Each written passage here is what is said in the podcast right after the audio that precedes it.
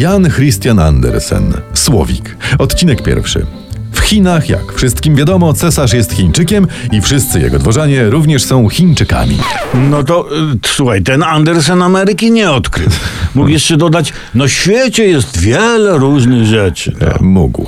Chiński pałac cesarski to był najpiękniejszy pałac świata. W ogrodzie cesarza rosły niezrównane kwiaty, a za nimi widniał wspaniały las, a za lasem cudne morze, po którym pływały wspaniałe okręty. No ale chwila, jak wszystko mieli takie cudne i piękne w tych Chinach, No. nie? No to czemu w świat wysyłali tandetę i plastikowe podróby? Cesarza pytaj, nie wiem. E, W tym lesie za ogrodem mieszkał Słowik, który śpiewał tak przecudnie, że nawet biedny rybak, zajęty rozwieszaniem sieci, zatrzymywał się w pracy, słuchał i mówił z westchnieniem Ach, jakież to piękne! Ale czekaj chwilę, coś nie rozumiem. Nie no, po cholerę rybak rozwieszał w lesie sieci. Co on, sarny łowił? Nie, Jelenie? nie, Andersena pytaj, nie, ja czytam co napisał. Aha. No i koniec końców wszyscy zaczęli się zachwycać Słowikiem, że piękniejszy jest niż pałac i piękniejszy niż ogród cesarza. No i niech zgadnę. Cesarz się wziął i wkurzywszy. Wkurzywszy, jak ja uwielbiam im imię słowy przysłówkowe uprzednie. Jak No, ja... fajne, fajne. No. Cóż to znaczy? Tak spytał ten cesarz. No ale czekaj, wiemy jak Co? on się nazywał? Ten cesarz, nie? W sensie. Nie wiem, nie, bo Andersen nie wspomina. Nie. Może Grzesiek.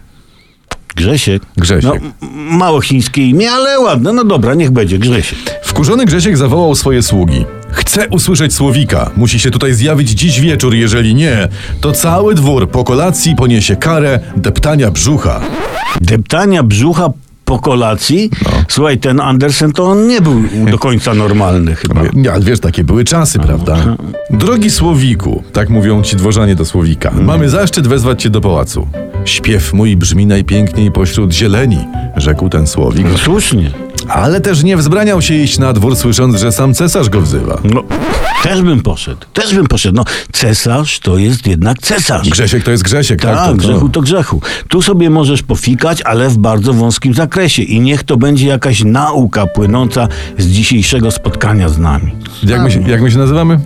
Radiowcy bez cenzury. Tak jest. Szukajcie nas w internecie, na podcastach. Mówcie o nas dobrze na mieście.